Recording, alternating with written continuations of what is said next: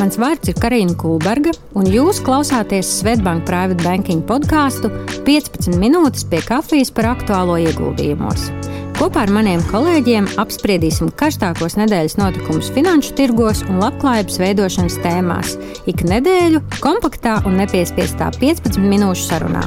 Klausieties mūsu podkāstu Spotify Svetbank Private Banking kontā, spiediet follow un zvani ikonu, lai nepalaistu garām jaunākās sarunas. Lai labi skan un uz tikšanos! Labrīt mūsu klientiem! Paldies, ka esat pievienojušies mums nu jau mūsu 23. epizodē podkāstam par ieguldījumiem finanšu tirgos. Šodien atskatīsimies, kā jau iepriekšējā epizodē solīts, uz septembra tirgu rezultātiem. Šodien esmu kopā ar savu kolēģi Venturiņu. Vent, labrīt! Labrīt! Un paskatīsimies to, kā tad izpildījās mūsu iepriekšējās jau epizodēs pieminētā prognoze, ka septembris vēsturiski ir bijis pavisam sarkans mēnesis. Jāsaka tā, ka arī šis gads nekādus tādā ziņā pārsteigumus nav sagādājis, bet tiešām iegājis ārkārtīgi sarkanā zonā. Tad nu, gan par to, gan par to, kā ir klājies pasaules lielākajiem tirgiem, šodien arī parunāsimies. Nu, sāksim, kā jau regulāri mēs to darām šajās mēneša apskata epizodēs lielāko ar Amerikas tirgu, un tur jau iepriekšējās epizodēs arī esmu minējis to, ka nu, tā situācija kopumā šajā krīzē, varētu teikt, ir interesanta tajā, ka atslābums darba tirgu uh, nu, pagaidām vēl ļoti, ļoti ilgi nebija manāms. Darba tirgus bija ļoti kustīgs, vakances bija, bezdarba līmenis nepieauga pārāk uh, strauji. Tomēr jāsaka tā, ka arī jaunākie dati par Ameriku saka to, ka vakanču skaits uh, augustā ir krities uz 10,1, kas ir uh, nu, tāds tāds diezgan pamatīgs kritums pēc jūlija, kad šis vakanču skaits vēl bija 11,2 miljonu vakants.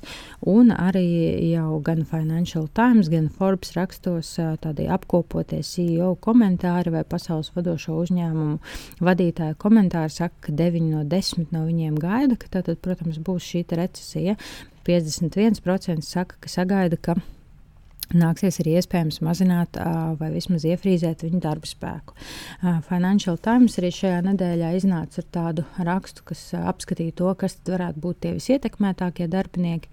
Nu, viņu, viņu kārtas tiek likt uz to, ka tie visticamāk būs tie darbinieki, kas ļoti ilgstoši ir strādājuši attālināti, jo, nu, diemžēl, tie ir arī izgājuši gan ārā no acīm, gan ārā teikt, no sirds arī saviem darba devējiem. Uh, un tas, ko vēl Financial Times ir pamanījuši, ka pieaug to cilvēku skaits, kur strādā vairākos darbos, kur strādā tad, tad nepilnu laiku, bet tiešām vairākās darba vietās, un redz arī to, ka izteikti piedāvājumā un vakancēs ir daudz, daudz vairāk šo te, um, nevis pilna laika darbu dažādu puslodžu un, un laika darbu. Uh, nu, tātad līdz ar to parādot to, ka uh, nu, kaut kāda piesardzība arī darba devējiem tomēr ir. Nu, līdz ar to FEDS joprojām saka, ka vēlas mazināt jaunas vakances bez būtiska bezdarba līmeņa paaugstinājuma. Nu, tā, protams, ir ārkārtīgi augstu pilotāžu, ko viņi grib sasniegt. Skatīsimies, kā arī viņiem tas izdosies.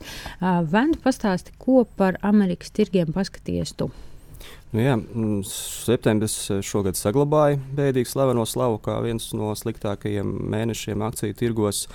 Un, ja vidēji septembrī ASV SP 500 akciju indeksa eh, vērtība kritās par aptuveni 1%, nu, tad šogad nokritās par veseliem 9%. Tādējādi tas kļuvis par sliktāko septembri pēdējo 20 gadu laikā, kopš uh, 2002. gada, kad indeks piedzīvoja 11% kritumu. Pēc šī krituma 2002. gadā gan beidzās dotcom, jeb internetu burbuļu plīšana, tirgus sāka atgūties. Bet akciju tirgiem šādi kritumi nav gluži neierasti. Vēl nesen, uh, 2020. gada martā, Covid pandēmijas sākumā indeks nokrita par 12%, bet nu, tikpat ātri atguvās. Bet atgriežoties pie septembra rezultātiem, tad no eiro investoru skatu punkta SP 500 indeksa kritums bija mazāks - 6,7%, jo dolārs septembrī turpināja nostiprināties par 2,5%. Un kopš gada sākuma kritums dolāros sasniedz šim indeksam 24%, bet eiro tas ir nu, virs 11%. Un, no nozarēm lielākos kritumus piedzīvoja nekustamā īpašuma, komunikācija un tehnoloģija nozares. Tehnoloģija indeksa Nasdaq piedzīvoja kritumu nedaudz virs 10% dolāros un 8% eiro izteiksmē. Un kopš gada sākuma kritums dolāros jau ir 30%, bet eiro turas ap 20%. Savukārt stabilākās nozares bija veselības aprūpe, finanšu joma, bankas un ikdienas patēriņu preču pārdevēji un ražotāji. Un, ja mēs skatāmies uz oktobri, noteikti visi skatieni būs pievērsti trešā ceturkšņa rezultātiem. Daļa uzņēmumu jau ir snieguši peļņas prognozes, un vairāk kā pusē tās ir ar tādu nu, negatīvu pieskaņu. Un tā, piemēram, septembrī vidū par apgrozījumu un peļņas kritumu ziņoja FedEx, un pamatoja to ar ekonomikas sabremzēšanos gan Eiropā, gan Āzijā. Un pēc šī paziņojuma FedEx, FedEx akcijas dienas laikā nokrita par vairāk kā 20%. Un atstāja ietekmi arī uz citiem nozares uzņēmumiem. Piemēram, UPS akcijas nokrita par 5%. Turpināja kritumu arī pēc tam. Zināmā ēna tiek mesta arī uz Amazon akcijām. Savukārt 20. Eh, septembrī tika eh, saņemtas neiepriecinošas ziņas no autoindustrijas. Eh, Ford Motors brīdināja, ka trešā ceturkšņa peļņas būs ievērojami mazākas. Nu, tur gaidīto 3 miljardu vietā iet runa par 1,4 līdz 1,7 miljardiem dolāru. Tomēr uzņēmums gada prognozi atstājis nemainīgu. Kopš šī paziņojuma mm, akciju vērtība ir kritusi par aptuveni 17%. Un uh, vakar uh, Ford paziņoja arī trešā ceturkšņa pārdošanas apjoms, kas ir uh, auguši, uh, bet bija mazāki kā prognozēts, teiksim, atšķirībā no General Motors. Un arī Tesla ne tikai atrādīja savu jauno, nu, dažādu vērtēto robotu Optimusu, bet arī paziņoja trešā ceturkšņa pārdošanas apjoms. Mm, kaut arī pret pagājušo gadu, pateicoties divām jaunām rūpnīcām ASV un Vācijā, apjomi ir auguši par 40%. Nu, tie bija mazāk kā tirgus sagaidīja. Akciju cena nokritās par aptuveni 8%. Nu, pēc vakardienas Elona Maska paziņojumiem par Twitter sāgas turpinājumu Tesla akcija turpināja kritumu kaut kur aptuveni 5%. Mm, Apple savukārt paziņoja, ka ir atcēlusi plānus palielināt iPhone 14 ražošanas apjoms šim pusgadam par 6 miljoniem. Un saglabās tos pagājušā gada apjomā, kad pusgadā tika saražoti 90 miljoni ierīču. Un tas lielā mērā saistīts ar pieprasījumu Mm, samazināšanos. Tas ir mazāks nekā tika gaidīts. Mm, tāpat Apple paziņoja par plāniem daļēji pārcelt ražošanu no Ķīnas uz Indiju. Un tad līdz 2025. gadam viņi plāno pārcelt aptuveni ceturdaļu, jeb 25% no apjomiem. Nu, arī viens no mērķiem ir Indijas tirgus iekarošana. Nu, ja mēs tā skatāmies, tad šīs ziņas mēs jau redzam septembrī rezultātos. Nu, tādēļ atliek gaidīt pozitīvas ziņas jau trešā ceturkšņa rezultātos, kas sāks parādīties mēneša vidū. Uh, Mm, par kurām mazāk raksta virsrakstos.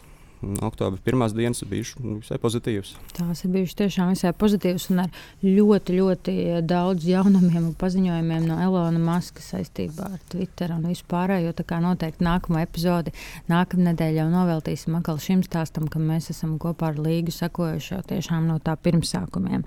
Um, jā, paldies, Venta, skats uz uh, skaidrs, ka noteikti no, notikumiem Amerikā arī tāds nu, diezgan atsveidzinošs un atkal no tās manas darba tirgus perspektīvas arī uh, gribu gribu tikai pieminēt, ka nu, tā lielā cīņa starp Amazon šogad un Walmart turpinās, kur nu, pēkšņi Amazons, kur, kur rezultāti līdz šim gāja katru gadu uz augšu. Tad mēs atceramies, ka šī gada vidū pirmā reize, kad apgrozījums nepieaug tik strauji, un savukārt tur atpakaļ ienāk šie klasiskie mazumtirgotāji ar fiziskiem, tā skaitā veikaliem, kur arī ir ļoti veiksmīgi piemērojušies tomēr šajā laikā tam, kā piegādāt klientiem, tiem, kas nevēlas nākt uz fiziskiem veikaliem savus tad, labumus. Nu, līdz ar to šobrīd, teiksim, Amazon, kurš arī milzīgs, protams, spēlētājs, liek savu lielāko kārtu šo prime programmu, bet gan Walmarts, gan Amazons pateikuši, ka Būs palēninājums jaunajās vakancēs. FedEx Venta pieminētais pateicis, ka viņš jau ir uz tādu frozen policiju, kas nozīmē būtībā nu, cilvēki, kas aiziet, tie atstāja, tie atstāja amatu un jaunu vietā netiek ņemti.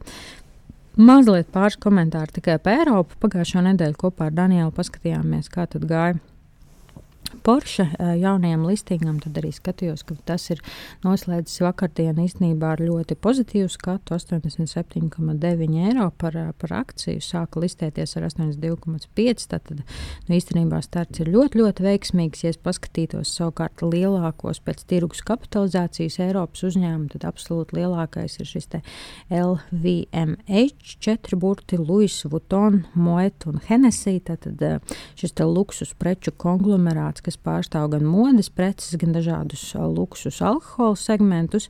Un šis te bija tāds īsts tiešām Covid pārsteigums, kuram Covid laikā, nu, nestoties uz to, ka viņš strādāja šajā prēmiju segmentā, gāja ārkārtīgi labi, un viņi redzēja, ka akciju cenas vērtība no 420 eiro 20. gada sākumā līdz 21. gada novembrim pieauga līdz 733 Tātad izaugsme bija ļoti laba. Šajā gadā LVMH akcijas vērtība kritusies par 14%, bet tomēr ar visu to šis kritums ir bijis krietni mazāks un stabili noturējis viņu lielāko akcionāru, arī Eiropas bagātāko cilvēku Bernardu Arno. Otrajā vietā pasaules turīgāko privātpersonu topā uzreiz aiz Elona Maska. Viņš šajā gadā ir arī apsteidzis Džefu Bezosu. Nu, pilnīgi noteikti tas ir dēļ tā, ka savukārt Amazon akcijas cena šogad ir kritusies par 32%. Tātad līdz ar to Eiropietis turās teiksim, savā spēcīgi otrajā vietā. Un arī biznesa rezultātu ziņā LVMH redzam to, ka pirmajā pusgadā ir klājies ļoti labi. Rezultāti bijuši ir apgrozījumi, pieaugumi interesanti gan šajā modes preču segmentā pa 31%, gan arī šajā alkohola biznesā pa 23%. Uh, neskatoties uz to, ka teiksim, Francija, kas ir viņu mītnes valsts, tur gan Šajā gadā tas kritums jau akciju tirgū bija par 17%. Um, nu, tikai ļoti ātri par Eiropas otro lielāko pēc kapitalizācijas uzņēmumu Nestli. Tad, tad viņa gadījumā interesanti, ka viņi burtiski tika tikko kā 30. septembrī ziņoja to, ka viņi plāno investēties vēl 100 miljonu eiro apmērā Spānijas šķīstošās kafijas rūpnīcā. Nu, tādējādi parādot to, ka ja ir tādas bažas par to, ka ražotāji varētu pārtraukt un iet ārā no teiksim, Eiropas rūpnīcām cenām, dēļ ļoti neparedzējumām uh, enerģētikas cenām, nu, tad šeit ir tas gadījums, ka viņi saka, nē, mēs paliekam, darām un turpinām ražot arī šeit. Vai tu zini, ka tu pasties uz notikumiem Lielbritānijas tirgos? Jā, Lielbritānija patiešām septembrī bija uzmanības centrā. Gan sākot ar premjerministru maiņu, Līzai Trasē nākot Borisa Džonsona vietā, gan arī sērziņā par Lielbritānijas karalienes Elizabetes II otrās došanos mūžībā. Bet uh, septembrī arī tika pieņemti vairāki pretrunīgi lēmumi, kas būtiski sašūpoja Lielbritānijas ekonomiku, mm, obligāciju tirgus un arī mārciņas vērtību.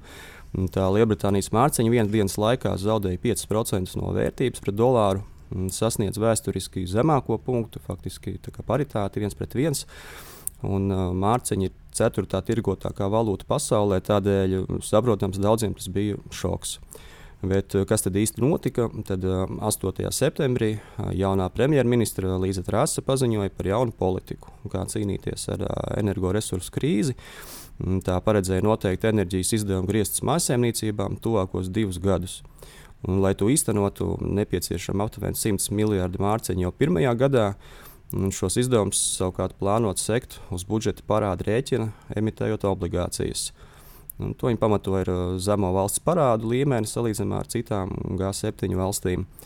Uh, savukārt 23. septembrī uh, jaunais finanšu ministrs uh, Kvasī Kvartengs uh, paziņoja par nodokļu samazināšanas programmu gan mājsaimniecībām, gan uzņēmumiem. Tas mērķis bija stimulēt ekonomiku.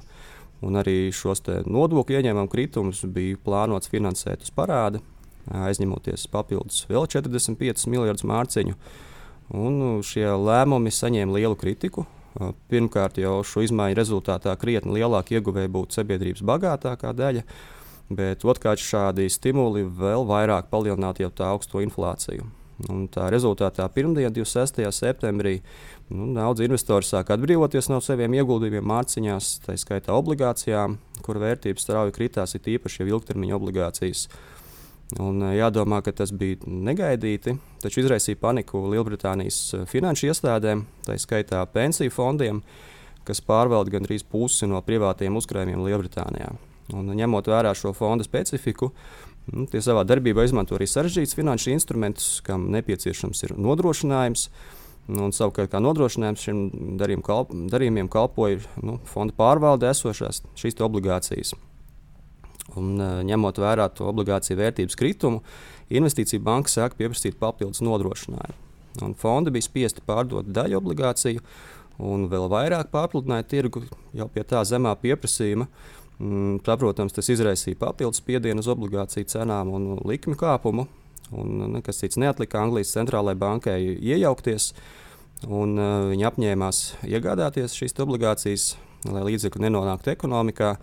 Un šīs programmas apmērs ir aptuveni 65 miljardu mārciņu. Un tā šobrīd ir stabilizējusi obligāciju tirgu mārciņas vērtība. Var teikt, ir atguvusies, bet kopumā situācija joprojām paliek sarežģīta. Jo, lai cīnītos ar inflāciju, centrālā banka ir apņēmusies turpināt likuma celšanu.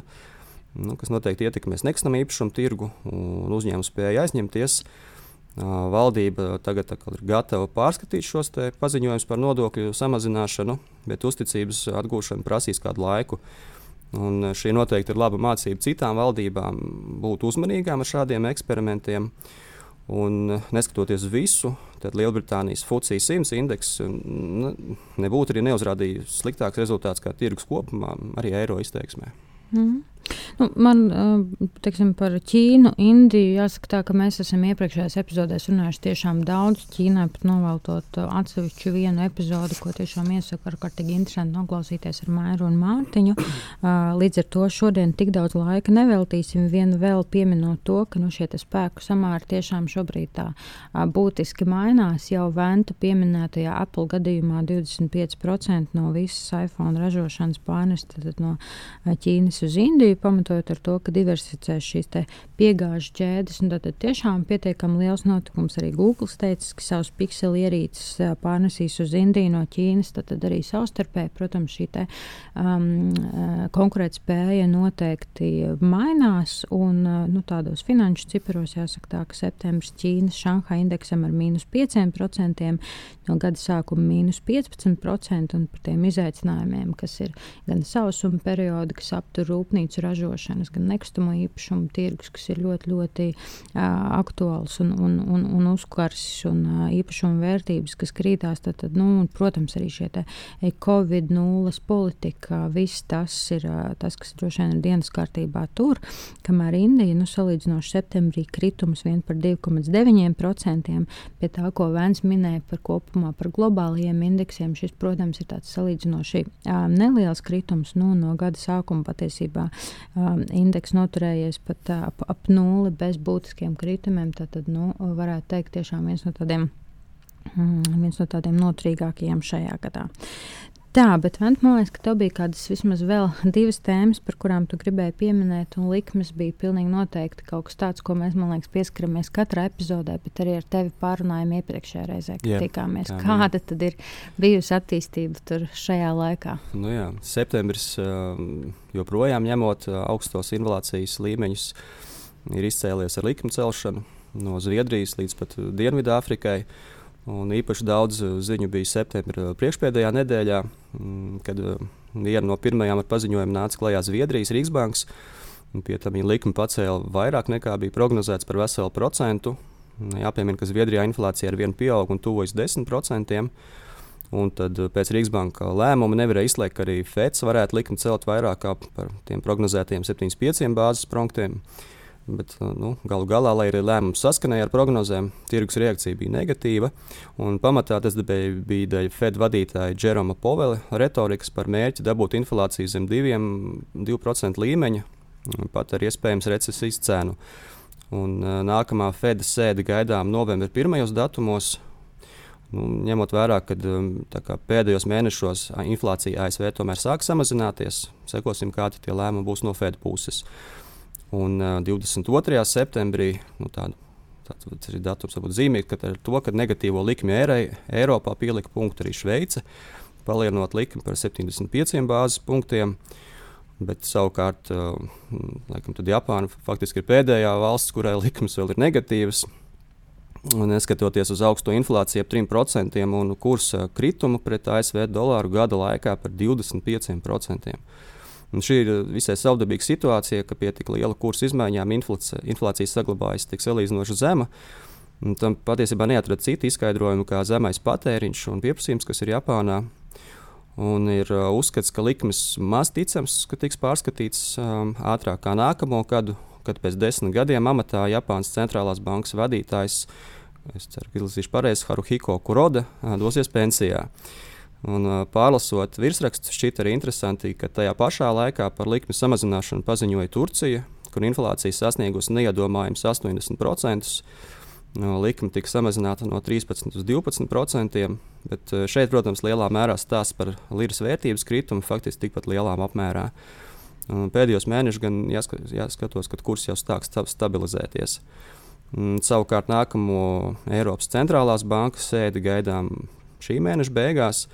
Ņemot vērā ar vienu pieaugušo inflācijas uh, rādītāju, tad es domāju, ka nu, būs lēmusi par kārtējo likuma celšanu. Kādu laiku nav bijis tāds laiks, kad mēs tik ļoti esam visi zinājuši un gaidījuši tos, nu, nu kā saka, gaidījuši, bet no nu, tādu tā piefiksējuši sev, kad ir nākamie centrālo banku tikšanās laiki un mm. viņu paziņojums. Es, teiksim, pirms diviem, trīs gadiem atceros, nu, mums bija arī mūsu regulārajos iknedēļas finanšu tirgus apskatos, mums vienmēr tā kā mēs pieminējām, tad būs tas nākamais mītiņš, bet nu, šobrīd tā kā, ka visi, visi zina šos datumus un gaida datumus, nu, tas, tas tā kādu laiku nav bijis, protams. Jā. Tā ir. Jā. Labi, Vent, bet tev bija laikam vēl pēdējais temats mazliet par izēvielām, ko tu ieskaties. Ļoti īsi. Uh, tad, uh, sagaidot uh, ekonomikas apbremzēšanos pasaulē, septembrī laikā cenas um, lielākajai daļai izēvielu kritās. Lielāko kritumu par 25% piedzīvoja gāzes cena. Neskatoties uz sprādzieniem Nord Stream gāzes vadā, arī naftas un metāla cenas kritās. Tiesa pēc vakardienas OPEC sēdes, kur tika nolemts samazināt naftas ieguves apjoms par diviem miljoniem barelu dienā, kas ir nu, 2% no globālā patēriņa. Naftas cena ir atgriezusies septembra sākuma līmeņiem. No dārgmetāliem īsumā cena ir pieaugusi sudrabam, savukārt zelta cena turpina kristies, bet uh, graudaugu cenas gan ir augušas. Varbūt tā paša tevis minētā sausuma ietekmē. Un arī vien, Ukraiņas karš. Un, piemēram, kviešu cena pasaules biržās eiro izteiksmē septembrī pieauga par veseliem 17%. Un cerams, ka no tā būs ieguvēji arī mūsu lauksaimnieki. Jā, jā, tiešām uz to arī, uz to arī ceram. Ir kaut kāds vienmēr katram mākonītam zelta maliņš.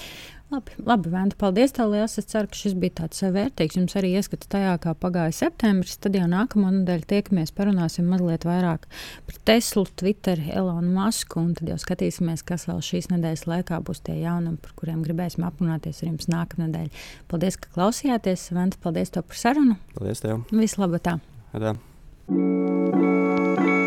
Audio saturā dzirdētā informācija nav uzskatāms par ieguldījumu konsultāciju vai ieteikumu slēgt finanšu tirgus darījumus vai ieguldīt finanšu instrumentos. Paldies, ka noklausījāties mūsu sarunu šodien.